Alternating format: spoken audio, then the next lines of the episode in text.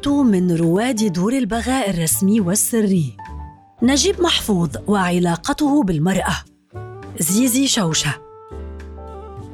تنطوي العلاقة بين الرجل والمرأة حتى وإن كانت تقليدية على تعقيد ما. يتفاقم هذا التعقيد ويزداد حدة إذا كان أحد الطرفين مبدعا أو فنانا. ويصبح الوضع جحيما في بعض الحالات إذا كان الاثنان يمارسان الأدب والفن. فغالبا ما تسحق المرأة المبدعة وتتوارى خلف الرجل حتى لو كانت أعلى منه موهبة حين تجد نفسها في مواجهة عنف الذات الذكورية بالإضافة إلى نرجسية الفنان.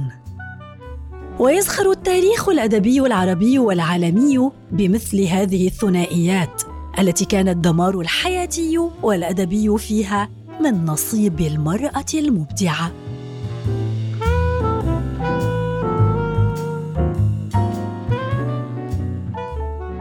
نأى أديب نوبل نجيب محفوظ بنفسه عن كل هذه الصراعات والمناطق الموترة والملتهبة.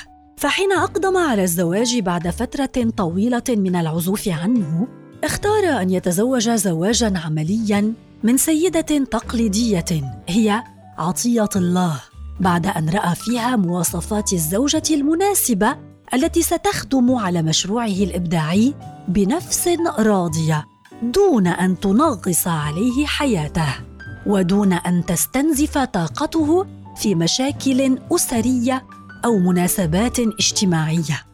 كان محفوظ شديد النفور منها. لكن كيف كانت حياة نجيب محفوظ قبل الزواج؟ بالأحرى كيف كانت علاقته بالمرأة؟ بجراه غير معهودة عن محفوظ الذي عرف بتحفظه الشديد أجاب أديب نوبل عن هذا السؤال للكاتب والناقد رجاء النقاش الذي وثق حديث محفوظ الحميمي إليه في فصل في كتابه صفحات من مذكرات نجيب محفوظ تحت عنوان نساء في حياتي. نظرة جنسية بحتة للمرأة.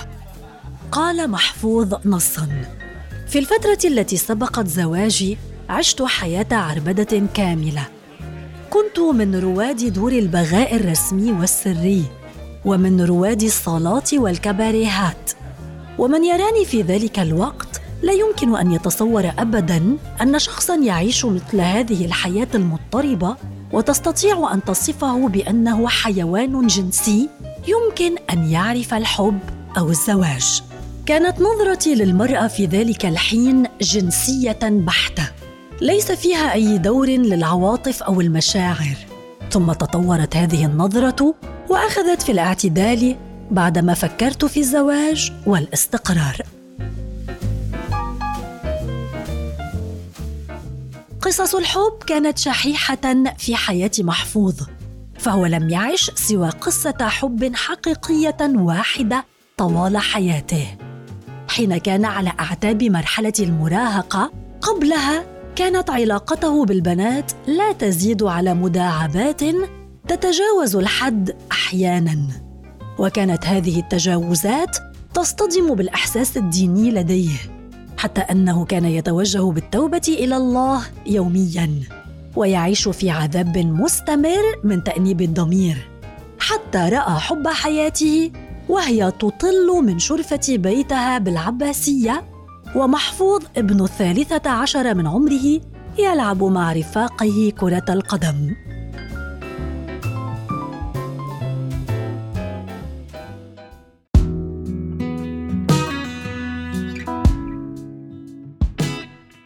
تخلص المراهق الصغير من عذاب الضمير ليمزقه عذاب الحب من طرف واحد. فالفتاة ذات الوجه الساحر الذي يشبه لوحة الجيوكاندا كانت في العشرين من عمرها ولهذا كان ارتباطه بها مستحيلا يسمي محفوظ حبه لهذه الفتاة بالحب الصامت فلم يجرؤ يوما على محادثتها أو لفت انتباهها مكتفيا منها بمجرد النظر. وكانت متعته الكبرى أن يجلس بعد انتهاء مباراة الكرة قبيل المغرب موجها نظره صوب شرفة محبوبته متاملا وجهها الجميل. استمر هذا الحب الصامت لمدة عام كامل إلى أن تزوجت الفتاة وودعت العباسية منتقلة إلى بيت زوجها وكان حزن محفوظ شديدا.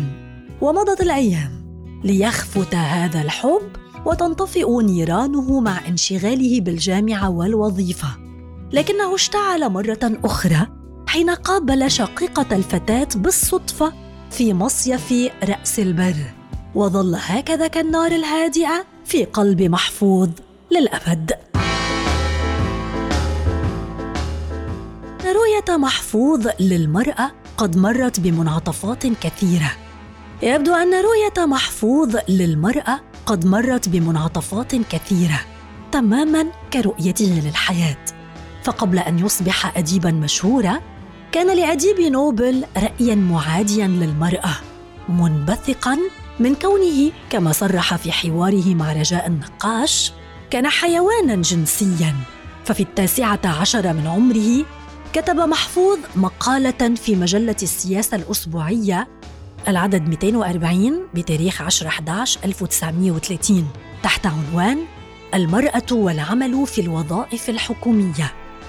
يطالب فيها بتعليم الفتاة المصرية وفي الوقت نفسه ينتقد بشدة عملها في الوظائف الحكومية لأن ذلك من وجهة نظره يتسبب في زيادة البطالة بين الشباب في مصر في ذلك العهد. كما يؤدي إلى انحلال الأخلاقيات في الدواوين الحكومية بالإضافة إلى تفكك الأسرة وانهيار الأخلاق. ثمه سؤال يطرح نفسه هنا؟ هل هذا الرأي لمحفوظ الشاب يمنحنا الحق في أن نزج به في خانة الرجعيين الذين ينظرون إلى المرأة كجسد مغو مهدد لقيم الأسرة أم أنه من الأفضل أن نراعي السياق التاريخي والاجتماعي الذي كتب فيه محفوظ هذا الرأي بل أن نراعي المرحلة العمرية لمحفوظ نفسه وما تتسم به من نزق وتقلبات فكرية. ربما يجدر بنا أن نعتبر هذا الرأي رايا متعصبا من شاب لم ينضج بعد ثم نضعه جانبا كشيء غير نافع. لندخل إلى عالم محفوظ الروائي حيث المرأة بحضورها الهائل في قلب هذا العالم المشتعل بالحياة بل هي في أعمال كثيرة. المركز التي تدور حولها أحداث العمل الروائي وهي أيضا مرأة عاكسة لما تموج به مصر من تحولات سياسية شكلت بدورها تحولات اجتماعية وخلقت كذلك صراعات طبقية هائلة. وقبل أن نرصد حضور ووضعية المرأة في الأدب المحفوظي علينا أن نرى كيف كان حضور المرأة في أدب ما قبل محفوظ الأب المؤسس للرواية العربية الحديثة.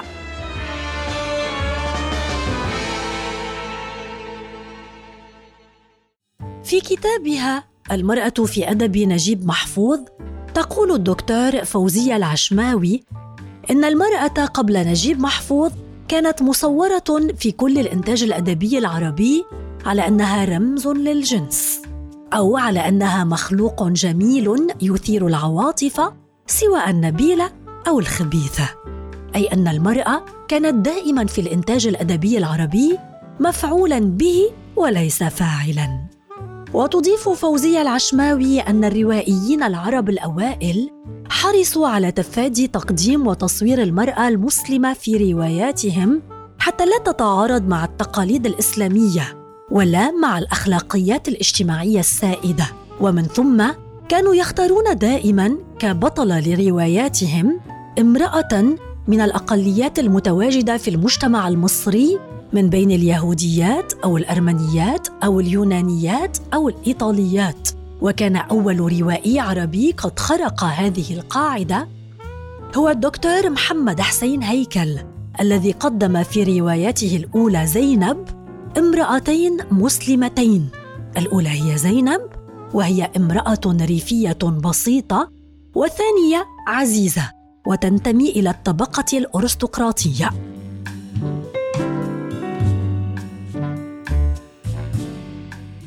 وفي كتابها السابق ذكره والذي كان مشروعها للحصول على الدكتوراه تناولت الباحثة مظاهر تطور المرأة والمجتمع المصري من خلال الإنتاج الأدبي لنجيب محفوظ وتحديداً روايته التي أصدرها في الفترة من 1945 إلى 1967 كما قامت بتحليل ثلاث شخصيات نسائية هن بطلات ثلاث من رواياته.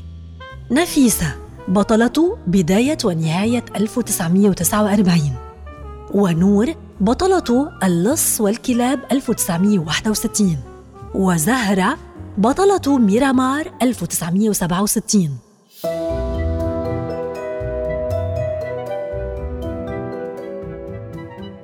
مظاهر تطور المرأة والمجتمع المصري من خلال الإنتاج الأدبي لنجيب محفوظ.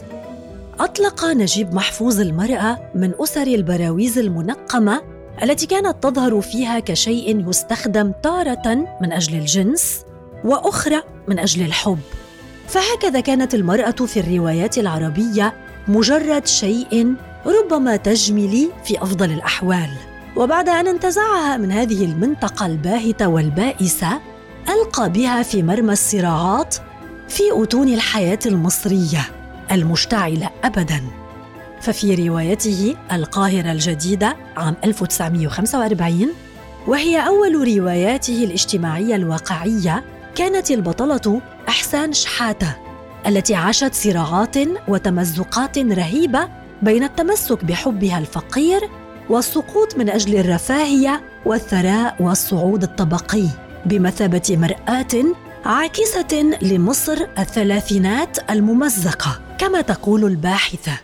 بين استغلال الطبقة الأرستقراطية الفاسدة وبين شبابها الضائع المنتشر في الطبقة المتوسطة مغلوبة على أمرها ومضطرة للخضوع للذين يستجيبون عرضها ويبيعونها بمعاهدة أو بعقد مع الشيطان مماثل للعقد المبرم بين الثالوث الروائي.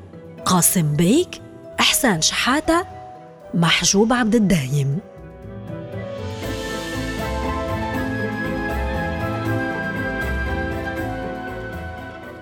وبجوار إحسان شحاتة تقف حميدة في زقاق المدق التي يعتبرها محفوظ من أهم رواياته شاردة وهي تتأمل حياة الفقر والبؤس في هذا الزقاق اللعين طامحة في الخروج إلى الحياة المرهفة فتقع بين براثن أحد القوادين الذي يبيعها لأحد الجنود الإنجليز. وترى فوزية العشماوي أن انحراف حميدة وسقطتها الأخلاقية وخرقها للعرف السائد إنما يرمز إلى الأزمة السياسية والاقتصادية التي كانت تمزق مصر في فترة ما بين الحربين العالميتين وتنضم إلى أحسان وحميدة نفيسة. في بداية ونهاية فالبطلات الثلاث يجسدن نفس الأزمة التي عاشت فيها مصر في فترة ما بين الحربين العالميتين ويتبعن مخططا مشابها للسقوط الأخلاقي نتيجة للظروف المذلة التي عانت منها مصر في الفترة المشار إليها سابقا بين الحربين. وتقول الباحثة إن نجيب محفوظ قد اهتم بهذه الشخصيات النسائية لنقد الهيكل التنظيمي للمجتمع في ذلك العهد، وكذلك الفوارق الطبقية الرهيبة مشيرة إلى أن ذلك لم يمنعه من الاهتمام بالعلاقات الأسرية السوية وبالشخصيات المصرية النموذجية. وبالعلاقة التقليدية بين الرجل والمرأة وبين الزوجين في المجتمع المصري الممزق بين التقاليد والمدنية الحديثة. وذلك ما يتجلى في الثلاثية بين القصرين قصر الشوق والسكرية. وفي مرحلة أخرى في أدب محفوظ وتحديدا عندما اتجه إلى تيار الرمزية كانت النساء في رواياته بمثابة معالم في طريق البطل الرجل. كل امرأة توجهه إلى طريق ما في رحلة بحثه عن ذاته وذلك ما تجسد في روايات اللص والكلاب السمان والخريف الشحاذ والطريق. أما المومس التي تعد شخصية أساسية في معظم أعمال محفوظ الروائية فكانت مهمتها تكمن في كشف خفايا البطل وإظهار المناطق المعتمة في نفسه وكذلك تعقيداته النفسية. وفي ثرثرة فوق النيل يقدم محفوظ نماذج نسائية مغايرة يجسدن التطور المجتمعي في حقبة الستينات فهن نساء متحررات متعلمات هاربات من القمع والضغوط السياسية التي كان يعيش معظم أهل الفكر والأدب يأتين إلى عوامة أحد الأصدقاء ليقضين السهره مع أصدقائهم من الرجال حتى مطلع الفجر في شرب الخمر والحشيش فيما تدور بينهم نقاشات فلسفية ساخنة حول الحياة والموت والسياسة. ومن بين الشخصيات النسائية المتعددة في رواياته قال محفوظ للدكتورة فوزية العشماوي ردا على سؤالها هل هناك شخصية نسائية في إنتاجك الأدبي تصور المرأة كما ترونها؟ إنه يحب شخصية زهرة. بطله رواية ميرامار. هذه المرأة الفلاحة التي اعتمدت على نفسها وسلكت طريقها في المجتمع وهي متسلحة بالعلم وبالثقة بالنفس. وبالشجاعة والمثابرة والصلابة وقوة الشخصية. وبالطبع هذه الإجابة محفوظية بامتياز نابعة من الجانب المحافظ والكلاسيكي في شخصية نجيب محفوظ. وليست من محفوظ الذي كما قال هو عشت حياة عربدة كاملة وكنت حيوانا جنسيا وربما نابعة من الاثنين. فهذا الرجل والأديب الاستثنائي من الصعوبة وضع رؤيته للمرأة كرجل ضمن الثنائية النسوية رجعي متخلف وتقدمي مستنير. فإن حدث ذلك سيكون اختصارا مخلا لهذه الروح الكبيرة.